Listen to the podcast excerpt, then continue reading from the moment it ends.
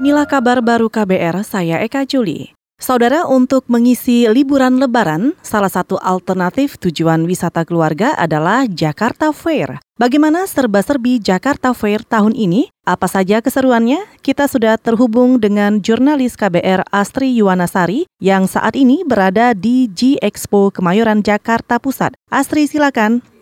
Ya, Saudara, Pekan Raya Jakarta atau Jakarta Fair 2019 telah dibuka sejak 22 Mei kemarin ajang pameran tahunan yang digelar sebagai bagian dari perayaan ulang tahun DKI Jakarta ini bertempat di J Expo Kemayoran Jakarta Pusat. Untuk tahun ini pelaksanaan Jakarta Fair bertepatan dengan Hari Raya Idul Fitri, sehingga momen ini juga dimanfaatkan oleh masyarakat yang ingin menghabiskan waktu pada libur lebaran. Di sini di sini pengunjung dapat melihat berbagai ajang pameran hiburan di panggung utama dan berbelanja di ratusan merchant dengan diskon khusus. Jakarta Fair juga menyajikan berbagai acara menarik seperti parade karnaval, kontes Miss Jakarta Fair, cosplay kontes, barongsai night, serta pesta kembang api. Saudara pada H-1 Lebaran hari ini, pengunjung Jakarta Fair sudah mulai memadati area JI Expo Kemayoran ini. Pengunjung bisa memasuki area Jakarta Fair melalui 9 pintu yang disediakan. Untuk memasuki area Jakarta Fair, pengunjung harus membeli tiket seharga Rp25.000 sampai Rp40.000 tergantung dengan hari kedatangan. Namun untuk anak dengan tinggi maksimal 1 meter dan lansia tidak perlu membayar tiket masuk, alias gratis. Cukup diukur tinggi badan anak dan menunjukkan kartu identitas untuk untuk lansia. Dari JI Expo Kemayoran Jakarta, Astri Wanasari, KBR. Kita ke Keramat Jati, Jakarta Timur. Pedagang eceran bahan pokok di Pasar Induk Kramat Jati, Jakarta Timur menduga ada permainan pasar yang mengakibatkan harga cabai naik hingga empat kali lipat dari harga normal. Salah seorang pedagang, Serli, mengaku rata-rata pedagang di Pasar Kramat Jati terpaksa menaikkan harga cabai karena persediaan cabai sedikit sekali. Padahal kiriman cabai dari daerah harganya pun stabil. Di atas paling orang lapak permainan karena kiriman sedikit, jadi mereka getok harga semua. Ini tabar juga beberapa hari stabil lagi.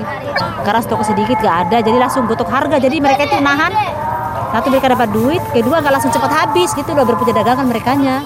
Pedagang eceran bahan pokok di Pasar Induk Kramat Jati, Jakarta Timur, Serli juga menambahkan dirinya terpaksa menjual cabai karena harga beli dan harga jual kembali yang cukup mahal. Berkisar antara 110 sampai 120 ribu rupiah per kilogram. Untuk bahan pokok lainnya, Serli juga menyebut sayur mayur termasuk yang stabil harganya. Saudara Polda Jawa Tengah berkoordinasi dengan Korlantas Polri dan Kementerian Perhubungan untuk membatasi kecepatan kendaraan di Jalan Tol Pemalang Batang.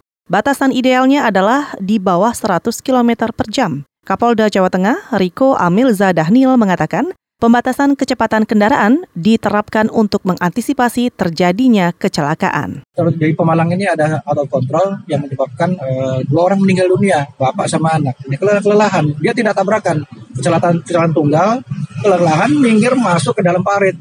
Oleh karena itu kami akan melakukan berbagai upaya sekarang, ya, berbagai upaya berkoordinasi dengan Korlantas, ya, dan dinas perhubungan untuk mulai mengurangi kecepatan. Kapolda Jawa Tengah Riko Amil Daniel menambahkan, tol Pemalang Batang merupakan titik lelah yang cukup berbahaya.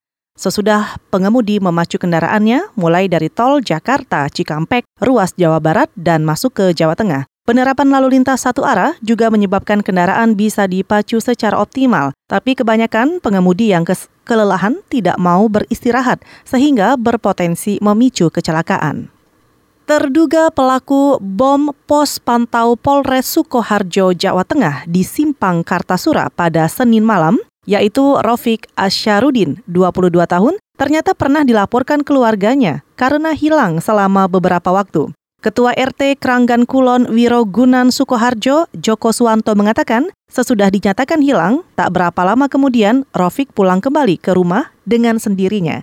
Joko menambahkan berdasarkan informasi warga, Rofik diduga pergi bersama teman-temannya selama menghilang dari rumah. Sesudah kejadian itu, Joko mengakui ada perubahan perilaku yang diperlihatkan Rofik.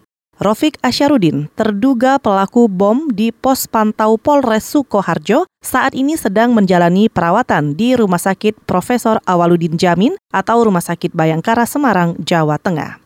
Saudara demikian kabar baru, saya Eka Juli.